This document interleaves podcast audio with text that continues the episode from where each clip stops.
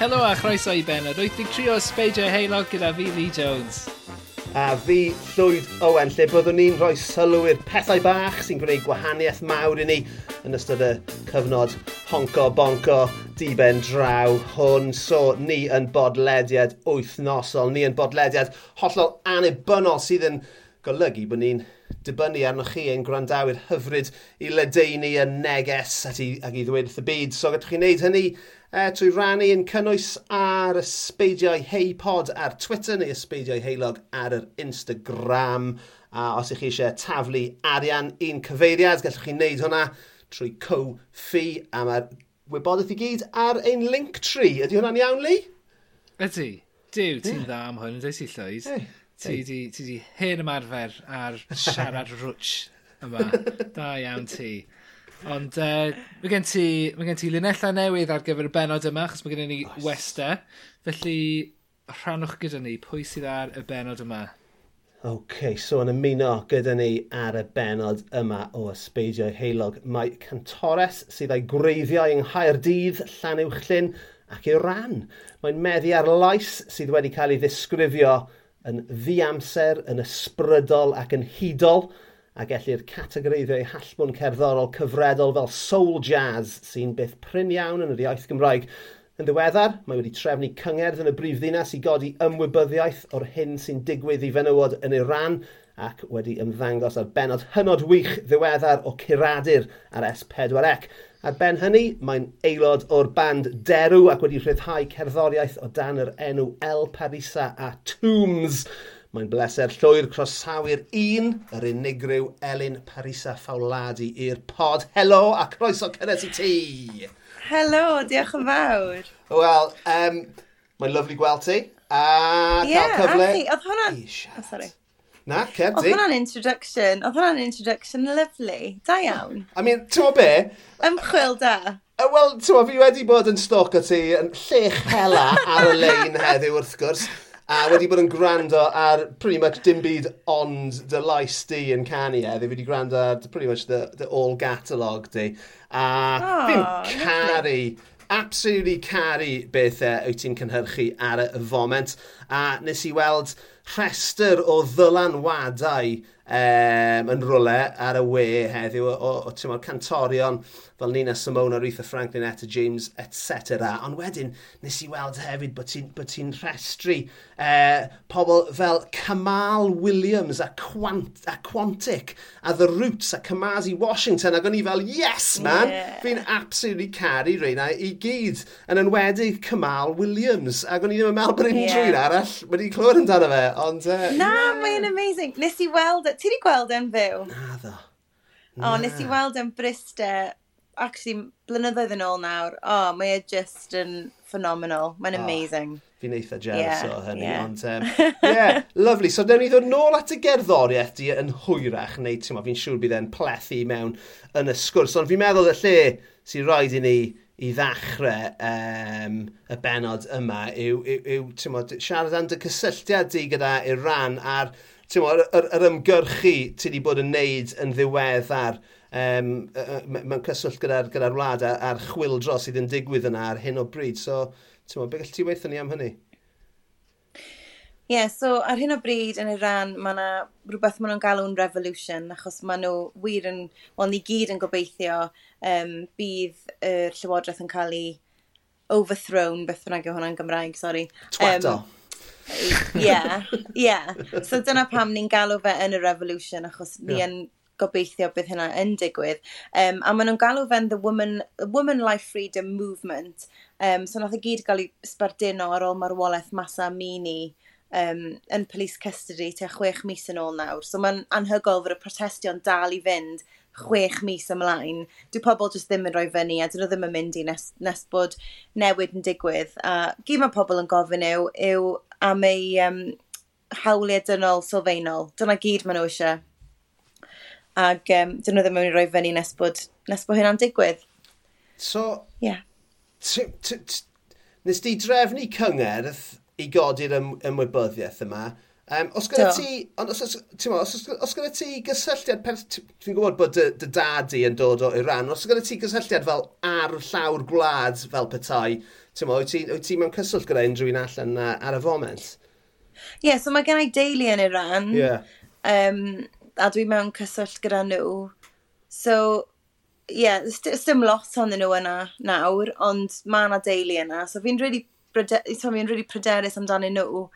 Um, Ond ie, yeah, fi, to, fi'n hanner Iranian, mae fe yn yng ngwaed i, fi'n teimlo mor passionate am, yr, am y sefyllfa a, a helpu i gael tywod, newid a, a ryddid i'r bobl yn Iran. Ie, yeah, achos ni'n ni cymryd y pethau yma'n ganiatal, right? Hyd, hyd yn oed gyda y, y llywodraeth twriaidd gweitha yn, yn, yn hanes Prydain, mm -hmm mae'n ma, ma, ma, ma hawdd, mae'n ma, ma, rhyddid ni yn rhywbeth ni, ni yn cymryd yn ganiatal. So mae'r ma, ma, ma fideos yma o ferched um, heb um, penwisgoedd a heb, ag yn dawnsio ag, ag, ag, yn canu ar y strydoedd, um, ti'n brwydro i gael hawl. Pethau ni'n cymryd mor ganiatal, mae fe'n really bwerus. A mae, fel ti'n gweud, mae'r ma, ma, ma, ma, ma canlyniadau yn ddifrifol iawn iddyn nhw o hyd, yn dweud? Ydy, bendant. Tymod, mae fe yn erbyn y gyfraith i ddawnsio ar y stryd neu i ganu yn, yn gyhoeddus um, i fenywod. So, wel, dwi'n dwi dynion yn cael canu, dwi'n dwi menywod ddim yn cael canu, dwi'n dynion ddim yn cael dawnsio yn gyhoeddus. Um, na, dwi'n dadyn nhw'n menywod ddim chwaith. So, ie, yeah, ni'n ni, cymryd hwnna'n ganiatawol bob dydd. Ni, twod, ni ddim yw hyd yn oed yn meddwl mm. bydde unrhyw un ddim yn cael wneud hwnna neu'n cael ei arestio. Ond mae'r ma Llywodraeth wedi mynd yn rhy bell. Mae nhw wedi executio bobl, pobl jyst am protestio. Mae nhw wedi rhoi pobl yn y carchar um, am fel 40 mlynedd jyst am ddawnsio ar y stryd. Twod, mae fe'n hirt a dwi e ddim yn, dwi e ddim yn oce okay, a mae rhaid i ni wneud rhywbeth amdano fe. Ond mae fe yn rhoi pethau mewn i perspektif, Tywed, pan fi'n cwyno am bethau bob dydd, fi jyst yn meddwl, mm. oh, come on, fi mor lwcus. Ni rili really yn lwcus yn y wlad yma. O, oh, ydyn, fi'n so. gwybod, mae'n mae hawdd anghofio hynny ambell waith, yn dywe. Um, so, mm. gwerthon ni ychydig bach am, am y cyngerdd. I mean, fi wedi gweld clips ar-lein o'r cyngerdd sy'n edrych yn ffantastig. So, gwerthon ni beth, beth nes di drefnu a beth, beth, beth, beth oedd y cynnwys fel petai? So, o'n i eisiau neud rhywbeth, achos o'n i jyst ddim yn gwybod beth sy'n ni'n gallu neud i helpu. Mae ma mor anodd gwybod beth ti'n gallu neud sy'n actually mynd i gael rhyw fath o impact. So ni'n meddwl, mae'n neud cyngerdd achos mae'n rhywbeth, um, so fi di arfer roed events ymlaen a fi'n canu hefyd, so o'n i just, mae'n ma just yn neud sens, mae'n rhywbeth fi'n gallu neud. Um, Ie, yeah, a'r pwrpas oedd i godi ymwybyddiaeth. So be nes i oedd cael cerddoriaeth um, Kurdish, Persiaidd a Cymraeg a just roed y gyr at ei gilydd Um, ac oedd just loads o performers amazing gyda ni. Ac oedd bwyd Persiaidd hefyd. Oedd e just yn, oedd e noson lyflu, oedd e awyrgylch mor neis. Um, ac yn amlwg, yn redeg trwy'r holl beth, oedd yr bob peth sy'n digwydd yn y ran, oedd yeah. darlleniadau gyda ni, oedd um, pobl yn tod, siarad am y sefyllfa, so oedd dim eisiau, o'n i methu anghofio pwrpas y gyngerdd yn y lle cyntaf. Ie, yeah, of course. Um, Ac, um, ar, ar ben hynny, mae ma hwnna, ti'n gweithio ni cyn cyn i ddechrau recordio, bod ti wedi bod yn, yn, yn, yn America yn ddiweddar yn, yn ffilmio um, rhaglen ddogfen am, am y pwnc hefyd. Ti'n lli gweud uh, chydig bach wrthyn ni am hynny? Ie, yeah, so fi'n lwcus iawn i fod yn rhan o ddogfen am Iran. Um, Tmod, a mae fe'n rhywbeth arall sydd lle fi'n gallu codi ymwybyddiaeth. Um, a go, yn amlwg ar blotfform lot mwy, achos mae fe'n mynd i fod ar y teledu, so mae fe'n special iawn. Um, so nath ni fynd draw i Los Angeles, achos dyna lle mae'r gymuned fwyaf o Iraniaid tu allan i Iran. A wir i ti, mae fe yn teimlo fel bod ti yn Tehran pan ti'n cerdded o gwmpas Los Angeles. Ma, uh, Wel, mae yna un lle yn Los Angeles ar enw Persian Square, a maen nhw'n galw fe'n Terangeles. so mae'n mae, mae, mae really arbennig, so, ti really yn gallu gweld um, neu teimlo yr er, culture per Persian, so, pam ti yna. Mae'n amazing.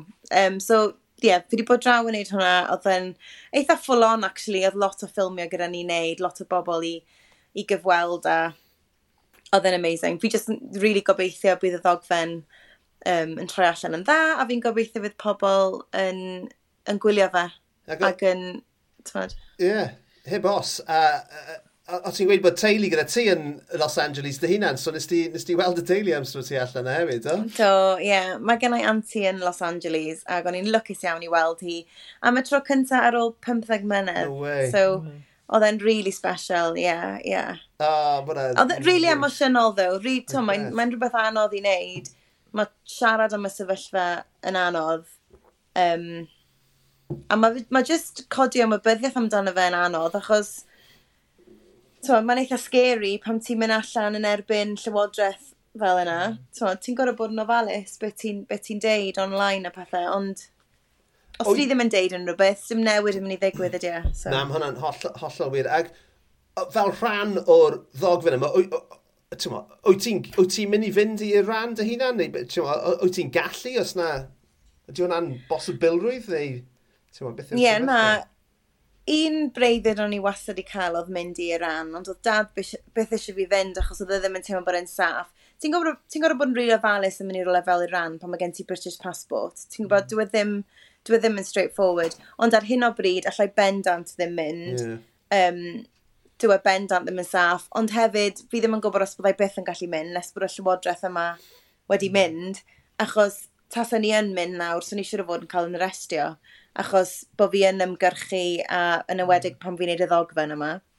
So, yeah. yeah. Mae fe'n eitha, yeah. eitha risky, ond mae, mae fe werth e. Mae well gyda fi ymgyrchu a wneud y pethau yma a byth mynd i'r wlad na dim wneud unrhyw beth a just cael mynd i'r wlad. Achos mm. fi ddim eisiau mynd yna nawr, dim gyda, dim gyda'r ffordd ma pethau. Na. Um, Ti'n ti, ti gweud bod y, ma, bod y dad i yn, yn dod o'i rhan. So, oedd e'n cofio'r amser cyn y chwildro Islamaidd fi'n siŵr oedd? Mm, oedd, ie. Yeah. Nath ei adael cyn y chwildro pam oedd pethau'n well, yn lot gwell. Ti'n mo, fi, fi, fi, fi Ali, fi'n siŵr ni wedi gweld lluniau, um, mae yna ma ffotograffau yn neud y rounds yn dos ar, e, ar, ar, y socials yn eitha aml o, o bobl yn Iran cyn y chwildro Islamaidd. Ie. Yeah. A mm -hmm. oedd y lle, wel, o'n nhw'n edrych fel, ti'n mo, sports casuals, ti'n mo? pawb, pawb yn bikinis uh, yn edrych, ti'n mo, yeah. yn orllewinol am, ti'n mo, o, o fod eisiau defnyddio gair arall, mm. ond... Um, Ie, yeah, so, so, so oedd wedi gadael cyn bod hynny wedi digwydd, yn, yn, yn hytrach oh, na oherwydd bod hynny wedi digwydd. Ie, yeah, yn union. So, oedd e'n mynd nôl ymlaen i weld i deulu, a wedyn nath y revolution ddigwydd, a nath e ddim mynd nôl am flynyddoedd wedyn. So, mae'n drist achos be oedd pobl eisiau oedd rhywbeth gwell na'r sia, a be nath nhw gael oedd rhywbeth lot, lot gwaith. A fi ddim yn meddwl oedd unrhyw un yn disgwyl hynna. Oh, man. so mae'n ma, fe, ma really upsetting, a maen nhw wedi cael e'n 43 mlynedd a diw'r pobl ifanc yma ddim hyd yn oed i gweld rhyddid o gwbl, a mae ma fe'n really drist. Sy, sydd yn neud, uh, uh, bo, uh, be, be maen nhw'n neud nawr yn, yn fwy anhygoel fyth, yn dywe? Mm, um, ydy, oh my gosh. Mm. Os, os ych chi wedi tyfu lan, ddim yn gwybod unrhyw beth yn wahanol, mae ma, ma, ma, ma eisiau newid e o'r tu fewn hefyd yn, yn rhywbeth mor mm. ddewr i wneud. So, mm. mae rhaid ni gofio hynny, amser ni'n gweld y, Er, er, y, y, y fideos yma o ferched yn dawnsio a chi'n meddwl, wel, ti'n mo, pff, whatever, yn dweud, so, mae mm. ma merched yn dawnsio bob man, mae merched yn dawnsio yn y ran yn rhywbeth hollol, hollol wahanol ac yn, uh, yn ddatganiad pwerus effernol uh, mewn sefyllfa mor dair. Um, a hynny, ond ie, yeah, ti'n mo, so, so, so, so bydd y, y, y, y, y, y raglen ddogfen yma allan, ti ddim, ti ddim yn siŵr eto pryd, wyt ti, ond uh, ti'n ma, pwy oed, ni'n ni recordio hwn tair wythnos cyn bod ni'n cael ei rhyddhau, so falle bydd na ti'n ma, amseru perffaith yw byd ni'n gorfod anelu at gyda'r e, podlediad yma, oce, okay, Lee. Ac, um, yeah, so, so diolch am, am rannu hwnna um, gyda ni, Elin. A ni'n mynd i wneud fel the, the sharpest of turns nawr, achos okay. o, o drafod pwnc mor ddifrifol a mor, mor, mor ddwys gyda ti ar ben y, y raglen fyna um, mae ma, ma Lee nawr yn mynd i ofyn cwestiwn ddim cweith mor ddifrifol wrth y tu. OK. Wel, falle, yeah. dwi ddim yn gwybod beth oedd ar crackers yr Ayatollah yn ystod y chwildro, ond uh, Elin, beth ydy dy hoff gaws di? O, wel, fi ddim eisiau bod yn boring, achos falle bod hwn yn boring, ond fi wrth modd gyda, sa'n gwybod beth yw'r enw cywir amdano fe, ond fel y cheddar gyda cranberry yn y fe. Mm, mm, Rwy'n gwybod beth ti'n galw, yeah, beth chi'n galw fe. Uh, Wednesday Dale? cael ei adeg... That's it, That's yeah. the one, yna, Wednesday Dale yna. doleg. Yeah, yeah. Just dim byd Achos... boring fyna, o gwbl. Na. I mean, I mean, ma, beth, beth yw boring yw ddim bwyta unrhyw gaws o gwbl, right, Lee? Ydy hwnna achos bod ti ddim yn hoffi fe, neu? Ie, just mingin yn diwe. Na, gyw! Wow! Wyt ti wedi trio, wyt ti wedi trio bob caws yn y byd? Uh, do. Na, o'n i bwyta caws pan o'n i'n fach, ond yeah. uh, dwi'n meddwl doedd ym mrawd mawr i ddim, a pan o'n i'n bwyta caws oedd e jyst yn mynd, e, fel na, felly dwi ddim, oh. dwi'n conditioned i beidio. Oh, so mae bai... hwn yn rhywbeth psychological. Oh, ie, ie, ie. Bai yeah. Kerry yw hwn i gyd, yma. Ydy, ie, ie, ie. i'n gwybod bod Kerry yn, yn, yn gwrando. Erich beth ti'n gwneud, Kerry? Beth sy'n bod ti, man? Gyn, So, ie, yeah, Wensleydale. I mean, Wensleydale, that's a classic. Dwi'n ddim yn bod yn gwybod, achos, let's face it, okay. caws a ffrwythau. Hey, ti'n gwybod, ti'n gwybod pwy arall sy'n hoffi Wensleydale? Hoff gaws. Um, Wallace, beth gael Wallace, Wallace Gromit, ie? Oh, yeah. ie! Wel, mae gen, gen i tas da. Na, ond fi'n really hoffi sweet and savoury. Yeah. Fi really yn. So, falle dyna pam fi'n licio hwnna gymaint. Yeah, love it. A wyt ti'n yeah. cael e ar gracr neu ar fara sydd ti'n bwyta dy gaws? Neu just straight oh, allan well, o'r fridge? Like... fi yn licio caws efo crackers. Yeah. A falle weithiau, weithiau pam sgan i'm lot o fwyd yma, na i gael crackers a caws i swper. Ie, yeah, man. O, oh, dwi'n dwi neud yna. Os, os i dwi'n... Os, gwe, gwe ni'n mynd allan am gyda'r o cynio di syl, amser cynio, mm. yn y nos yn aml wedyn, na, na beth byddai, byddai a, a, a Lisa fy ngroeg i'n cael wedyn, just, just crackers gyda... Lovely. Ti'n gwybod be fi'n caru gyda fel caws caled cryf yw um, chili, jalapeno chili jam. Oh, yeah. Oh, my jam, God. jalapeno food. Yeah. Jalapeno. Nid, nid jalapenos, come on now. Jalapenos. Jalapenos. Sorry, sorry, chi'n gweud yna? Jalapenos. Yeah, there we go. jalapenos. Lovely. Um, fi'n licio'r chili dram, ond fi'n licio un fwy sweet, so fel sweet chili. Yeah. Mm. Yn hytrach na jalapenos. I don't know. Mm. Fi yn licio jalapenos, ond fi licio sweet, rhywbeth yeah. sweet. Mm. Yeah. Mae ma, ma, ma Morrison's yn neud fath o own brand chili jam, fel sweet oh. chili jam. A dos, ti'n mo, fi wedi treial rhai, rhai tair gwaith y pris o fel, ti'n mo, delis posh. A mae'n ma, ma Morrison's own brand gyda'r gorau sy'n yna, mae'n absolutely hmm. gorgeous. Ond, um... Wel, fi'n deud ti, actually, be fi'n really caru yw halloumi sticks Yep. a chili jam. yep, Oh my shove gosh. it in my mouth naw. Ie, peth gorau erioed, ie, mae'n amazing. Is i allan, ti'n byw yn Cyrdydd, yn dwyt ti, Elin? Ydw, ie. Um, wyt ti'n beth wedi bod i'r Hellenic Eatery ar Croes Road? Ydw, wrth gwrs, oh my gosh, o'n i'n efo'n mynd yna o hyd. So, Is i fyna nos sil. O'n byw yn Roth, so o'n i'n efo'n hyd. Is i fyna nos sil, a yn llythrenol, na gyd nes i fwyta oedd halloumi, pretty much. just fel, just give me the, all the halloumi dishes. Oh, that's amazing. Absolutely. Yeah. Un, un, un dwi'n sy'n byw yng Nghaerdydd, os, os, os ych chi heb bod i'r Hellenic Eatery, cerwch i'r Hellenic Eatery. Mae'r ma yeah. bwyd yn amazing fyna, a tyma, dwi e ddim yn uh, sili o, o ddrud na dim byd fel yna. Ond, um, a yeah. mae'r music roi gaidd yn neis hefyd. Mae jyst yr, yr atmosffer yn lyflu. O, ti'n ti, ti, ti, ti, ti cofio perchenog y lle? Ydw, ydy yeah. dal yna? Oh, mae ma, fe'n boi mor hoffus, mor hyfryd. Yeah, mae fe'n llythrenol yeah. jyst yn mynd rownd pob bwrdd yn, yn cael yeah. chat gyda chi. A mae fe'n boi mor, mor lyflu. So, ie. Yeah, e- ydy. O, fe rai fi fynd yna. Superb. Yeah. Um, so, cwestiwn nesaf, a mae hwn, ma hwn eto yn, uh, yn ymwneud gyda caws, ond cyn bod ni'n cyrraedd y cwestiwn, fi jyst eisiau mm. nodi, a, ar wefan starnow.com, Uh, ma oh my gosh, paid! Hang on, hang on, hang on, hang on, hang on. Mae yna profile o, o, o, o, o oh. Elin. O'n i'n gwybod hang on, hang on, hang on, hang on. Hwntio fi'n dyrnod. A mae fe'n gweud, right, mae fe'n gweud, um, voice, the, so style of voice, right? mae fe'n gweud arddid llais, a mae fe jyst yn gweud posh. so, ydy mae e, ydy mae e.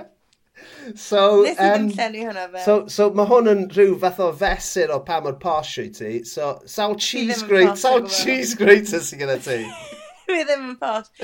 Um, mae gen i mond un cheese grater, oh. a mae fe, ma fe actually un rubbish. So yn Ikea, ti'n gallu cael yr box, a wedyn yeah. mae gen ti y thing yn mynd ar benna, yeah, yeah. fel plastic box. Yeah, yeah. Na beth sy'n gen i. Dyna'r unig, dyna'r unig oh. cheese grater sy'n gyda fi. Oh, okay. um, ond fi jyst eisiau deud am yr thing stan naw yma. fi, nes, na, seriously, fi wedi bod yn trio delay hwn ers tua deg mlynedd, ond fi wedi colli'r password, a bob tro fi'n cysylltu gyda nhw, maen nhw ddim yn ateb fi. Oh. So fi'n trio, fi trio deitha nhw, look, I can't go in to delete it. Please, can you help? A dys neb yn ateb fi. So, fi'n really gutted fo hwnna am dod fyny. Ffonio nhw a rhoi llais posh ti'n mlaen. Ie. Nes i ddim roi... Oh my gosh, fi'n mynd cofio roi posh mewn, ond... Ti'n meddwl ta'n ti'n o llenwi'r profile? oh, well, that's amazing. ddim efo llais posh. Ond ie, yeah. so ie. Yeah. Yeah. A, a, a, so, so un cheese rater, Ac, a hefyd, yeah. ti'n ma, mae'n ma, ma, ma, ma ffain, mae'n ffain. Mae'n neud y job, though. O, so... o na, ti'n ma beth, hwnna, mae ma gen i bedwar cheese grater gartre, ond... Ham! E, Sa'n gwybod, achos yr unig un fi'n defnyddio yw'r un sy'n gyda ti, yr un sy'n gyda'r top, chi'n mynd fel yna, mae'n mynd mewn i'r box, boom, na'n unig un sy'n angen yna chi daclus yn dydi? Yndi, Na, perffaith. Yeah. Perffaith. Mae'n very, mae very practical. Ydy, wir. Um, so, cwestiynau olaf am fwyd yw beth yw'r okay. peth mwyaf rhyfedd ti beth wedi bwyta? O, fi'n teimlo'n really boring, achos fi ddim yn gallu deud yn byd rili really diddorol. Ond siwr o fod, y peth mwyaf rhyfedd, achos yr, fel y texture, oedd lychee. Hmm. Mm. Yeah. Chi wedi cael light cheese? Dwi wedi bwyta light cheese. A maen nhw yn really weird. Ceilliau natur. Exactly, exactly. Dyn nhw ddim yn edrych y peth mwyaf um, lovely. A yeah, mae'r texture yn really odd, ond... Yeah. Fi yn licio lychee, a mae well gen i diod lychee na'r actual lychee. Yeah, ah, nice. Mae'n eitha medicine, dyn nhw? Ie, yeah, ydyn. Ond dim rhyr felys, dim fel ridiculous. Mae nhw'n neis, mae'n eitha refreshing, Mm. Um, ond mae'r diod yn neis yn fwy na'r mm. ffrwyth. Na, clas. Wel, ti'n meddwl be? Yeah. Falle, falle bod ti'n meddwl bod e'n ateb boring, ond sy'n neb byth wedi gweud lychi o'r blaen ar y... Yes! Mae'n 83 penod o, o, o, o, o, o, o podlediad yma, sy'n neb... Oh. Dwi'n gair lychi byth wedi cael ei yngan. Ydw i'n hmm. iawn? No. O, da iawn. O, fi'n teimlo, fi'n teimlo ddim yn teimlo mor boring nawr. dim yn gwbl, dim yn gwbl. Does dim ateb anghywir ar y podlediad yma. So... Okay, good. Elin, ni'n symud mlaen nawr. Ni'n gofyn i ein gwesteion i ddewis dau beth sydd yn neud nhw'n hapus. So, Elin, oh. beth yw'r peth cyntaf ti'n mynd i gyflwyno i ni Mae rhaid i fi ddeud, fi teimlo'n really boring eto, ond mae rhaid i fi ddeud yr un peth sy'n ei fi mor hapus bob dydd yw fy nghi anwyl Mali. Oh. Hmm. Ah. Ond dwi ddim yn, dwi ddim yn ei fi'n hapus nawr, achos mae'n just, dwi ddim yn, mae'n rili really aflonydd ar hyn o bryd, so fi'n trio peidio gael ei wneud sŵn. Ond bob bore fi'n deffro a mae hi'n rhoi gwen ar gwyneb fi. Hmm. So ie, yeah, okay. Mali. Cwestiynau. Cwestiynau am Mali. A ti'n siarad fan hyn gyda perchenog ci fi, mae gen i gi o'r enw Ozzy. Mae Lee, oh. dyw Lee ddim yn uh, berchen ar gi, ond mae Lee yn hoffi cwn. Mae fe wedi dewis, mae fe wedi, ma wedi dewis cwn fel y peth sy'n neud e'n hapus ar y podlediad yma ei hunan. Oh. Um, so, cwestiynau am... Helo, Mali. Mali ar y, ar y, ar y camera gyda ni fan hyn. Um, cwestiwn un, beth yw Mali? Pa fath o, pa fath o, o frithgi yw hi? Mae'n cafo pwysion. Fi'n cysau'r enw, ddo. Mae hwnna yn actually swnio'n really posh. Ond, felly, um, so, um, yeah. felly Cavalier King Charles Spaniel, um, Poodle a uh, Bouchon Frise. A Bouchon Frise, ie. Ie. Oh, wow. yeah. okay. Ie, yeah, ti'n gallu gweld y tri ohonyn nhw yn dweud ti, ie. Yeah. Oh, yeah, mae'n gorgeous. Cwestiwn nesaf am Mali. Fa'n ti'n oedd Mali? Well, actually, fydden ni wedi deud y peth anghywir sy'n ni ddim wedi siarad efo cefnither fi dyn o'r blaen. Fi wedi bod yn deud wrth pawb bod hi bron yn ddwy. Nath cefnither fi ddeud, Mae'n bron yn dair, Elin. Nath ni gael oh. cyr yr un pryd. A ni fel, really? Wow. OK, so ie, yeah, mae hi bron yn dair. So, And, um, ti, yeah. ti di anghofio un parti pen blwydd iddi? Mae arna ti parti pen blwydd ychwanegol i'r ci ma. Oi, neu, neu bod fi jyst yn dwp a bod fi di, nes, nes i roi parti dwy flwydd oed iddi llyna. Ond wedi anghofio. A jyst fi sydd wedi anghofio. Ond o'n i, mae amser di mae mor gyflym Mm. Mae ddim yn teimlo bod fi wedi cael ei ers bron tair mlynedd. Ond fi'n meddwl bod e'n wir, achos ni yn 2023 nawr. Mm. So mae'r amser wedi mynd yn gyflym. No. Sorry, Mali. Ond bydden ni, fi wedi bod yn deud wrth pawb yn y parc, mae'n fel, how old is she? Oh, nearly two. Dwi ddim, mae'n bron yn dair. Ti'n riant gwarthus, ond dyna ni. Ti'n awful, ie. Ti'n awful, oce. Un peth dwi ddim yn mynd i ofyn i ti yw faint nes ti dalu am uh, Mali, achos... Uh, Na, paid y Fi'n gwybod faint nath ym mrawd i dalu yn 2020 am i gi, ie. So, uh, we'll leave that there. Yeah. Cwestiwn nesaf. Neu chi rili really yn meddwl bod fi'n posh. fi'n deud chi. Cwestiwn nesaf am y Mali yw, um, ydy Mali yn cael cysgu yn y gwely gyda ti? Dim yn y gwely, ah. ar y gwely. Yeah, okay, sorry. Yeah. na, mae'n ma ma reicwn sy'n ei ddithio a mynd o dan y dŵfi. So ie, yeah, mae hi ar y gwely, definitely. Oedd hi ddim fod, y plan oedd, tmod, oh, mae'n mae mynd i gysgu yn y lolfa. Ond noson gyntaf nes i gael hi, a ddyn ni gymaint o sŵn, o'n i fel, mae'r ma cymdogion yn mynd i ladd fi. So nes i just roed i ar y gwely ar y noson gyntaf, and that was it. Yeah. Unwaith ti'n neud hwnna, Classic. You can forget it. Ond fi'n licio fe ddo, achos mae'n cadw fi'n gynnes yn y geia, a mae jyst yn gwmni neis. So, fi'n sound really sad nawr, ond ie. Na, dwi'n meddwl, dwi'n meddwl. Fi'n just yn really honest, fi'n really na, honest. Dwi'n hoffi pan mae'r gath yn cysgu yn y gwely ni. Wel, ti'n meddwl, dwi'n meddwl os mae fe ar ochr ymhadner. Nid nid os dwi'n gorfod symud uh, fy nghoesau oh, i ddweud fe. Ond, ie, na, mae'n ma neis i kind of teimlo fel, bod yr anifal yma wedi dy ddewis di yn diwedd. Ie, mae'n cyfan. Mae'n gwybod bod ni'n siarad amdani. Ie. um, ar, ar pen blwydd, ar ben blwydd, Mali, wyt ti yn yeah. pobi cacen arbennig iddi? Na. Na? Da ti ting? Pwy sy'n neud hwnna? Wel, fi yn. Fi fi pobi cacen. Ie, fi di pobi cacen i os i bob blwyddyn. Ac yn lle roed fel, fel, yn lle roed fel chocolate, fel, ti'n meddwl flakes neu wrth am top. Fi'n rhoi sausages, like chipolatas ar y top iddo fe. A wedyn... Fi'n teimlo, ie, yeah, fi'n teimlo'n rili drwg. Oce, okay, falle na, falle na i wneud. Peth yw, fi, fi ddim yn, fi ddim yn tueddu i roed bwyd human iddi hi lot. Na, na. Na, na, mae yna ma so, recipes sydd yn weddus i gwmni, oh, ti'n mo? Okay. So bys ni ddim yn rhoi cacen, okay. just cacen. Dim cacen go iawn, ond fel fi ddim hyd yn oed rhoi sausages y pethau i. Ac ti? Oh! Na. A mae dal yn caru ti? Ie, ond mae... yeah, ma, dyn nhw ddim rydyn cytuno gyda hi, mae ma bol hmm. hi'n yeah, sensitif. Achos mae hi'n caf y pwsion. So, mae bol, ma bob peth, mae'n sensitif. Caviar yn unig iddi hi. Yeah, Rolls Royce, Rolls Royce dog food. Ti'n mo, ti ddim jyst yn... Exactly dig Digon dig. Na, I mean... Na, na, na, na, neud, na neud cacen. Rwy'n bwlio ti mewn i wneud cacen. Y joc yw ddo, right? So, so mae ma Ozzy fy nghi yn rhannu pen blwydd gyda fy nai i Daniel Jack. So, mae ma nhw'n cael, ma nhw'n rhannu party bob blwyddyn. A mae Dan, ac am sy'n dan, am sy'n dan, am sy'n dod allan y cacen dan, ni'n dod allan y cacen i Ozzy a ni'n rhoi cac yn Ozzy ar y llawr yn, yn yr ardd. A mae Ozzy'n bwyta cac yn e, mewn tua pimp eiliad. Sut mae Dan yn teimlo am rhannu'r pen blwyddau gyda'r ci? Wel, ti'n meddwl be? Fi'n fi, fi, fi hoffi'r ci lot mwy na fi'n hoffi Dan. o, oh, dim ond yn joc an. Shout out Daniel Jack. Dwi e ddim yn gwrando ar y nonsense yma, oh. pyn o'ch boeni. Ond, um, yeah. So, I mean, dwi'n dwi caru, caru fy nghi. Um, nes i wedi dorri ei wallt e heddiw, so mae fe'n gi newydd gyda fi. Ac, oh, a, a fi jyst yn caru fe gymaint, mae fe'n ma fe amazing. Mae'r ma, ma, ma um, the, the unconditional love yna, ynddo fe, mae fe jyst yn... Mm. Just, ma, achos dyw'r... Dyw, dyw Mae'r ma, cariad o fy mhlant i, sydd nawr yn ei arddegau, mae hwnna wedi diflannu, basically. ond oh. ond mae'r ci, mae'r ci dal yn caru fi trwy bopeth, so diolch byth amdano fe. Ac, um, yeah, so wyt ti'n ti cerdded yn bell gyda, gyda Mari? Ti'n ti faint, ti'n ti 10,000 o gamau bob dydd neu be?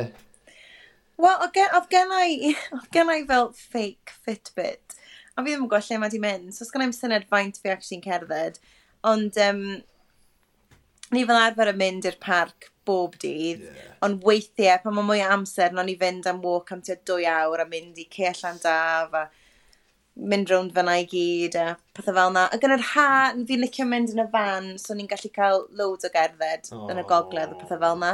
So mae hi'n cael lot o gerdded, a mae mam chwarae teg, pan fi'n rili really brysur, mae mam yn mynd â hi allan. So bob dydd mae'r ci yma yn cael lot o sylw. Ie, yeah. A mae hi'n chwarae lot yn y parc gyda cwn eraill. She loves it. Oh. So, yeah. No, mae ma, ma, yeah. ma, ma, ma bywyd nhw mor syml. Yeah, fi'n gwybod. Dim cyfrifoldeb. Yeah. Dim na, bills. Na. Dim bees. Llythrenol. Dihuno, cysgu, cachu, rhedeg o gwmpas y lle, cyfarth. Yeah. Cwtches. Yeah. All the seas. Lovely. Um, Ffodus yeah. iawn. I know. Yeah. Fi'n jealous.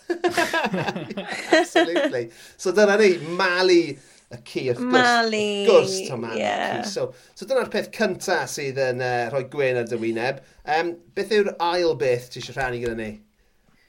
Wel, dwi e ddim yn rhywbeth... Dwi e ddim yn surprise.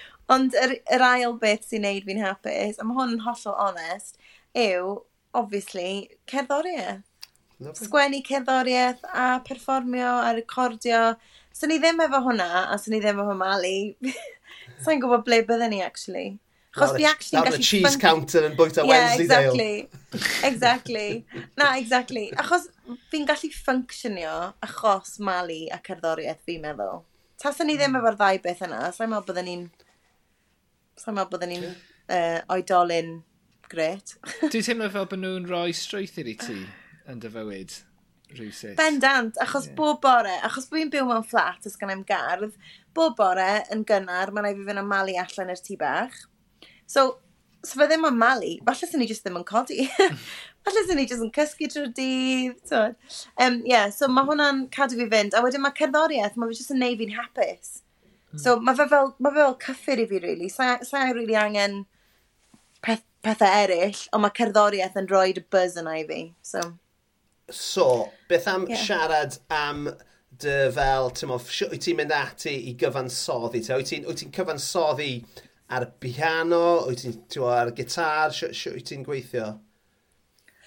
O fi'n gweithio mewn lot o ffurf gwahanol, i fod yn onest. Um, ond be fi fel arfer yn neud yw falle na i just roed codes really syml ar piano a wedyn canu gyda hwnna. Um, a weithiau na i recordio pethau so na i gael drum beat a wedyn roed y codes lawr a wedyn y canu. Ond weithiau mae'r melodi'n dod gyntaf, so fi'n recordio lot ar y ffôn Chos mae syniadau jyst yn dod randomly. So fi'n cerdded yn y parc, o fi'n cael syniad, so fi'n cael ffôn fi allan am pobl yn edrych yn y fi'n weird. Neu fi yn y cawod, fi fel, oh my gosh, melody, a fi'n angen cael allan o'r cawod i recordio'r ffôn fi. Um, So ie, yeah, mae'r ddau beth. Weithio, os mae'r melody dod gynta, wedyn fi'n trio ffitio'r codes o gwmpas y melody, so fi jyst yn gweithio hwnna allan. Ond um, mae'r ma ddau beth yn gweithio, ddo. So, na i wneud y ddau ffordd. Ie, yeah. ac ti yn cynhyrchu... Actually, gada fi stachio'r cwestiwn yna eto. Ti... Wyt ti'n cynhyrchu, ti'n bod y, y, y cerddoriaeth newydd ti wedi bod yn rhyddhau dros y fath o misoedd blwyddyn diwetha yma? Ie. Yeah. ti sydd wedi cynhyrchu hwnna dy hunan hefyd? Na. na. Na, yn anffodus na. Um, so be, be fi'n neud yw, fi'n fi recordio demos really rough. Yeah. Um, a dyn nhw ddim yn swnio'n gret. A wedyn fi'n mynd â nhw i Chrissy Jenkins. Wyt ti? Sef, mm. ie, yeah, oh, sef producer amazing. Yeah. yeah. a fi'n fi caru gweithio gyda Chrissy. Like, fi rioed di gweithio gyda rhywun ble ni ar yr un tydalen. A mae jyst yn really hawdd. Um, so, a fi'n actually mwynhau. So mae fe'n really refreshing. Ond um, yn ddiweddar fi wedi bod yn dechrau gweithio gyda Charlie Piercy. Mae fe'n chwarae keys a gitar i fi. So fi wedi bod yn neud chydig o sgwennu gyda fe hefyd. So mae fe'n amazing um, kind of gweithio gyda Chrissy. Yeah. So fi'n teimlo gyda fi fel second producer nawr hefyd. So mae'n pretty awesome. Yeah, yeah. na, mae hwnna'n gres. Ond beth am, beth am uh, Project Tombs? Ie, yeah, mae Tombs yn wahanol. So mae Tombs yn... Fi di recordio lot o stwff fy hun ac os ti eisiau deud bod fi di producer fe. Yeah. Um, ond fi ddim yn meddwl bod e o safon ddigon da. Fi di wneud un EP ble fi di gweithio gyda Gethin Pearson. So eto'n mynd ar demos iddo fe, um, anfon y rhannau e i gyd iddo fe. So fi di recordio nhw gyd a wedyn anfon nhw iddo fe. A mae fe basically just di wneud popeth yn lot gwell. A wedyn mae'r stuff tombs mwy diweddar fi di wneud, fi wedi cynhyrchu fe gyd fy hun, ond fi kind of ofn rhannu fe. Achos mae fi sydd wedi cynhyrchu fe, so I'm just sitting on it. Wel, mm. mae ma fe ar Spotify achos bydd wedi gwrando arno nhw heddi. Ie, yeah, a, a mae'r stwff yna... Dwi'n rhywun offi fe, ti'n meddwl, ond o'n i'n dweud, bod e'n rhywun achos... I don't know, fi, fi meddwl, mae dy lais di, ti'n meddwl, mor hyfryd, Oh, I mean, gallu ti just whack o unrhyw, e, any old shit o dan e, bys yw'n swnio'n alright. Na, ma, mor ar, back, as a back-handed compliment, ond mae'n ma loes di yn, absolutely gorgeous. A, oh, a ma, hwnna hefyd, ti'n edrych ar dy, dy, dy waith di gyda derw. So ti'n gallu gweithio ni ychydig bach am hynny hefyd, mae hwnna, yn, eto mae'r arddull cerddorol yn wahanol, um, ond y peth cyffredin rhwngddo fe i gyd yw'r llais hyfryd yma sy'n yeah. gyda ti. So beth, beth yw'r beth yw hanes gyda oh, Derw? Ie, yeah, so mae Derw yn prosiect ble fi wedi gweithio fel session singer. Ti'n fawr meddwl? Um, so mae'n wahanol, mae fe mwy am just y canu, ond i ddim yn cael input yn y sgwennu. Okay. Um, ac o hwnna'n kind of, ti'n fawr, siwtio fi um, ar y pryd, ond yn amlwg, fi mor passionate am cerddoriaeth fi, a fi angen yr amser i roed mewn iddo fe. Mm.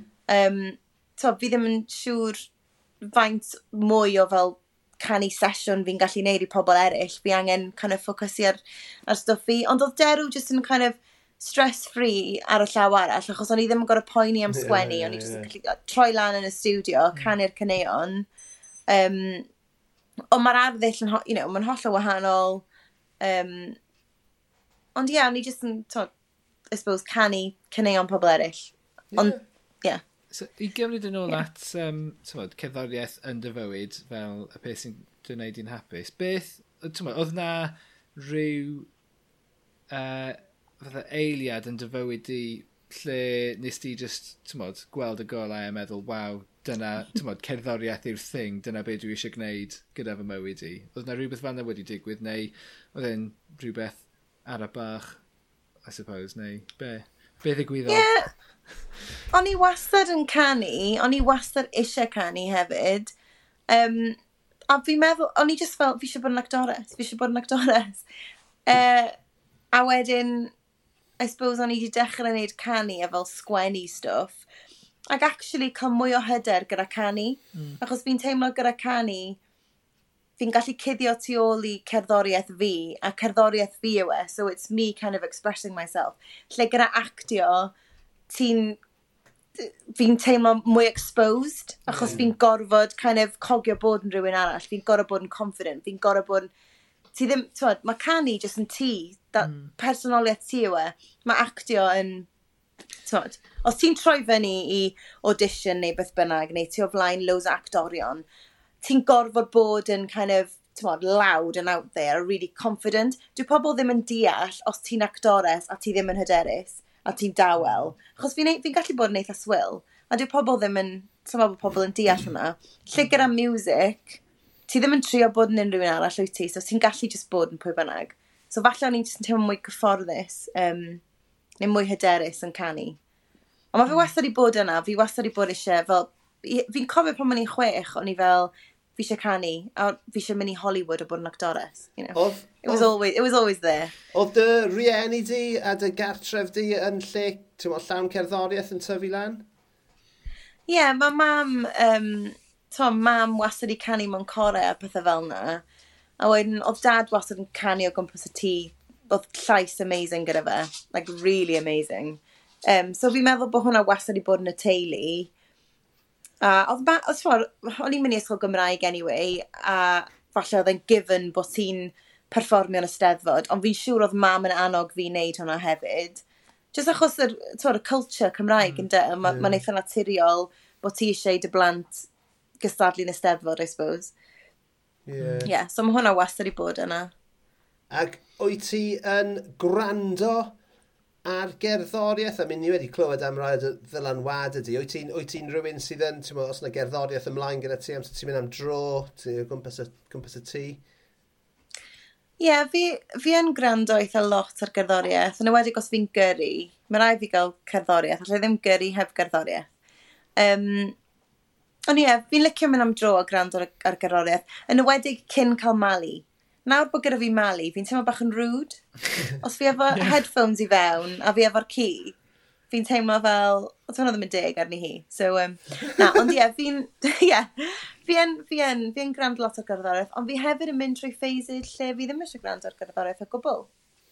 Yeah, I mean, a fi fel, twa, fi ddim eisiau grando... Dyna pam o'n i'n gofyn, really, achos ni wedi siarad gyda lot o gerddorion ar yr, um, ar y podlediad yma, a ni'n ni gofyn y cwestiwn yna, achos mae'n ddiddorol, tywa, fel, rhywun fel um, Peredur Ap Gwynedd sydd yn tywa, pendulum ac yn session musician, um, dwi e, dwi e ddim yn hoffi gwrando ar gerddoriaeth, achos mae fe'n byw cerddoriaeth yn ei waith bob dydd, ond dwi hwnna ddim yn wir i ti, na? Na, fel... Ie, yeah, mae ddim fel bod fi'n codi yn y bore ac yn mynd allan i, i weithio yn y studio bob dydd trwy'r dydd. So, fi, so o ran fel hwnna, fel bod fi ddim eisiau gwrando achos bod fi jyst wedi bod yn gwneud music trwy'r dydd. Dwi e ddim yn hwnna, ond fi jyst yn mynd trwy phases lle fi fel... Fi ddim yn gwybod be fi eisiau gwrando ar. Mm. So, o, fi ddim yn gallu meddwl am be fi eisiau. O, right, sa, neu bod fi ddim efo'r mynedd. Weithiau ti'n gorfod bod yn y lle iawn i wrando ar rhywbeth, a ti'n gallu rhoi dy e on a bod fel, o fi ddim yn hoffi hwn heddiw, a wedyn ti just yn swisho fe off, so, yeah. Sa'n so, gallu esbonio fe, really, ond fi yn mynd drwy phases, a wnaeth e probably para am fel mis neu rhywbeth, and I just ddim gwrando ar lot o gerddoriaeth o gwbl am fel mis, a wedyn na'i rando ar, ar loads o gerddoriaeth. Yeah. So. Mae'n yeah, dda, yeah. Ma dda, suppose, achos mae'n cadw'r holl beth yn ffres a ti ddim just yn gwrando, ti ddim yn, mae'n stopio ti rag, ti'n mynd, ti'n going through the motions fath o beth, yn dweud, achos ti just, yeah. ti'n gwrando achos ti eisiau gwrando, ti, ti'n ti'n uh, engaged gyda'r holl broses wedyn, lot mwy nag os ti just yn chwarae rhywbeth er mwyn llenwi, ti'n mm. tawel Taw, tawelwch, tawelwch. Ni wedi cofio'r anghofio yeah, gair tawelwch. Gys ti gofio fe, gofio sydd wedi y diwedd ni. Yeah. Dwi'n. So, so ni'n siarad am gerddoriaeth a mae hwnna yn segwei perffaith i'r plugs, achos... Um, Tewa, lle gallwn ni... Fi'n gwybod ble, fi'n gallu, ble, ble, ble ble mae'n gwrandawyr ni'n gallu ffeindio dy gerddoriaeth ti, os mi wedi bod yn gwrando arno fe trwy'r dydd. So, ti'n gallu just gweithio ni lle, lle, lle gorau, lle fysa, lle, lle i ddod, i, ddod o hyd i dy allbwn cerddorol di. Felly, mae'r fwyaf o'r stwff Um, well actually, mae bob dim fi wedi ryddhau so far ar Spotify. Mm -hmm. um, os chi ddim efo Spotify, wedyn mae fe ar Apple Music neu Amazon, gyd o'r llefydd yna. Hefyd mae gennau SoundCloud, so os chi ddim yn fan o'r apps yma, allech chi ddefnyddio SoundCloud. Um, yeah, I mean, sa di ryddhau loads. Fi'n meddwl mod i'n 400 fi wedi ryddhau hyd yma. OK, so um, mae hwnna'n ma hwnna arwen i'n berffedd y cwestiwn nesaf. Beth be, be sydd ar y gweith? Os gyda ti gynlluniau, ti'n ti, ti, ti recordio rhywbeth ar hyn o bryd? Ydw, so fi wedi bod yn really lwcus i gael um, bach o funding gan Horizons eleni, um, sy'n golygu fyddai'n gallu talu i recordio EP cyntaf fi, efo'r prosiect yma. Um, so ie, yeah, mae yna EP yn dod allan, fi jyst yn ganol sortio pethau ar gyfer dechrau recordio. Brilliant. So mae hwnna'n exciting, ond fi jyst yn gobeithio wnaeth e ddim cymryd ages, achos fi wedi bod yn rhoi fel un sengl allan o'r flwyddyn, sydd yn just, that's just not how you do it. Ond fi just, fi, fi neith, yeah, fi neith e laid back, um, a fi, twyd, os ti really eisiau gwneud music a cael mwy o gigs a pethau, ti really angen kind of bod yn fwy active, um, ond fi ddim yn dda iawn am, am wneud yr holl formula a'r games yma, fi just yn kind of so fi jyst yn caru wneud music, ond os ti eisiau mynd yn bellach, I suppose ti'n gorau rhoi mwy o waith mewn. a so. ti'n chwarae yn gwyl Focus Wales yn mis Mai hefyd, o'n i'n gweld? Ydw. So o, fi mor excited, ie. Yeah. Yeah. Mae'n lan Rexham ydy? Ydy, ydy, ah, ie. Oh, yeah. A'r peth gorau amdano fe hefyd yw fi'n really chuffed bod fi'n mynd i fod yn canu yn yr eglwys. Um, so maen nhw'n defnyddio lot o wahanol venues o gwmpas Rexham. A mae'r eglwys just mor haunting a just lovely. Mae'r acoustics obviously yn amazing. So fi mor excited i fod yn chwarae fyna. So bydde'n eitha so, gig bach intimate. Um, tmod, lot o wyrgylch. So fi'n yeah, fi mm. excited. O, oh, clas. Yeah. A lle gall ein um, gwrandawyr ffeindio ti ar y socials, Elin? Beth yw dy handle? Wel, Ie, dwi ar um, Instagram, I am Parisa Faladi, a dwi ar Twitter, Parisa Faladi. Um, dyna gyd fi dynyddio, really. Mae gen i TikTok, ond fi ddim really siŵr sure i ddynyddio TikTok.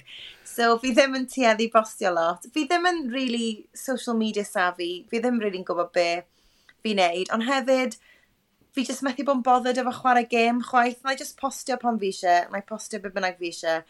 Ond fi'n gwybod bod yna fformula ac os ti'n postio mwy ar social media, ti'n cael mwy o bobl yn dilyn ti and all that stuff. Ond, yeah.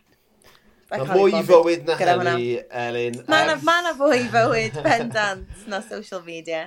Well, anyway, fi'n siŵr gei di gwbl o, o ddilynwyr newydd yn dilyn uh, y benod yma. So mae hwnna jyst yn gadel ni ddweud diolch yn fawr iawn i ti am rannu awr fach da ni ar y benod yma o ysbeidiau heilog. Pob lwc gyda popeth a dwi'n dwi, edrych ymlaen i weld beth bynnag wyt ti'n cynhyrchu nesaf. Uh, e, cerwch i rando a'r allbwn Elin, mae fe yn wirioneddol wych, ond diolch yn fawr iawn i ti. Diolch yn fawr, diolch.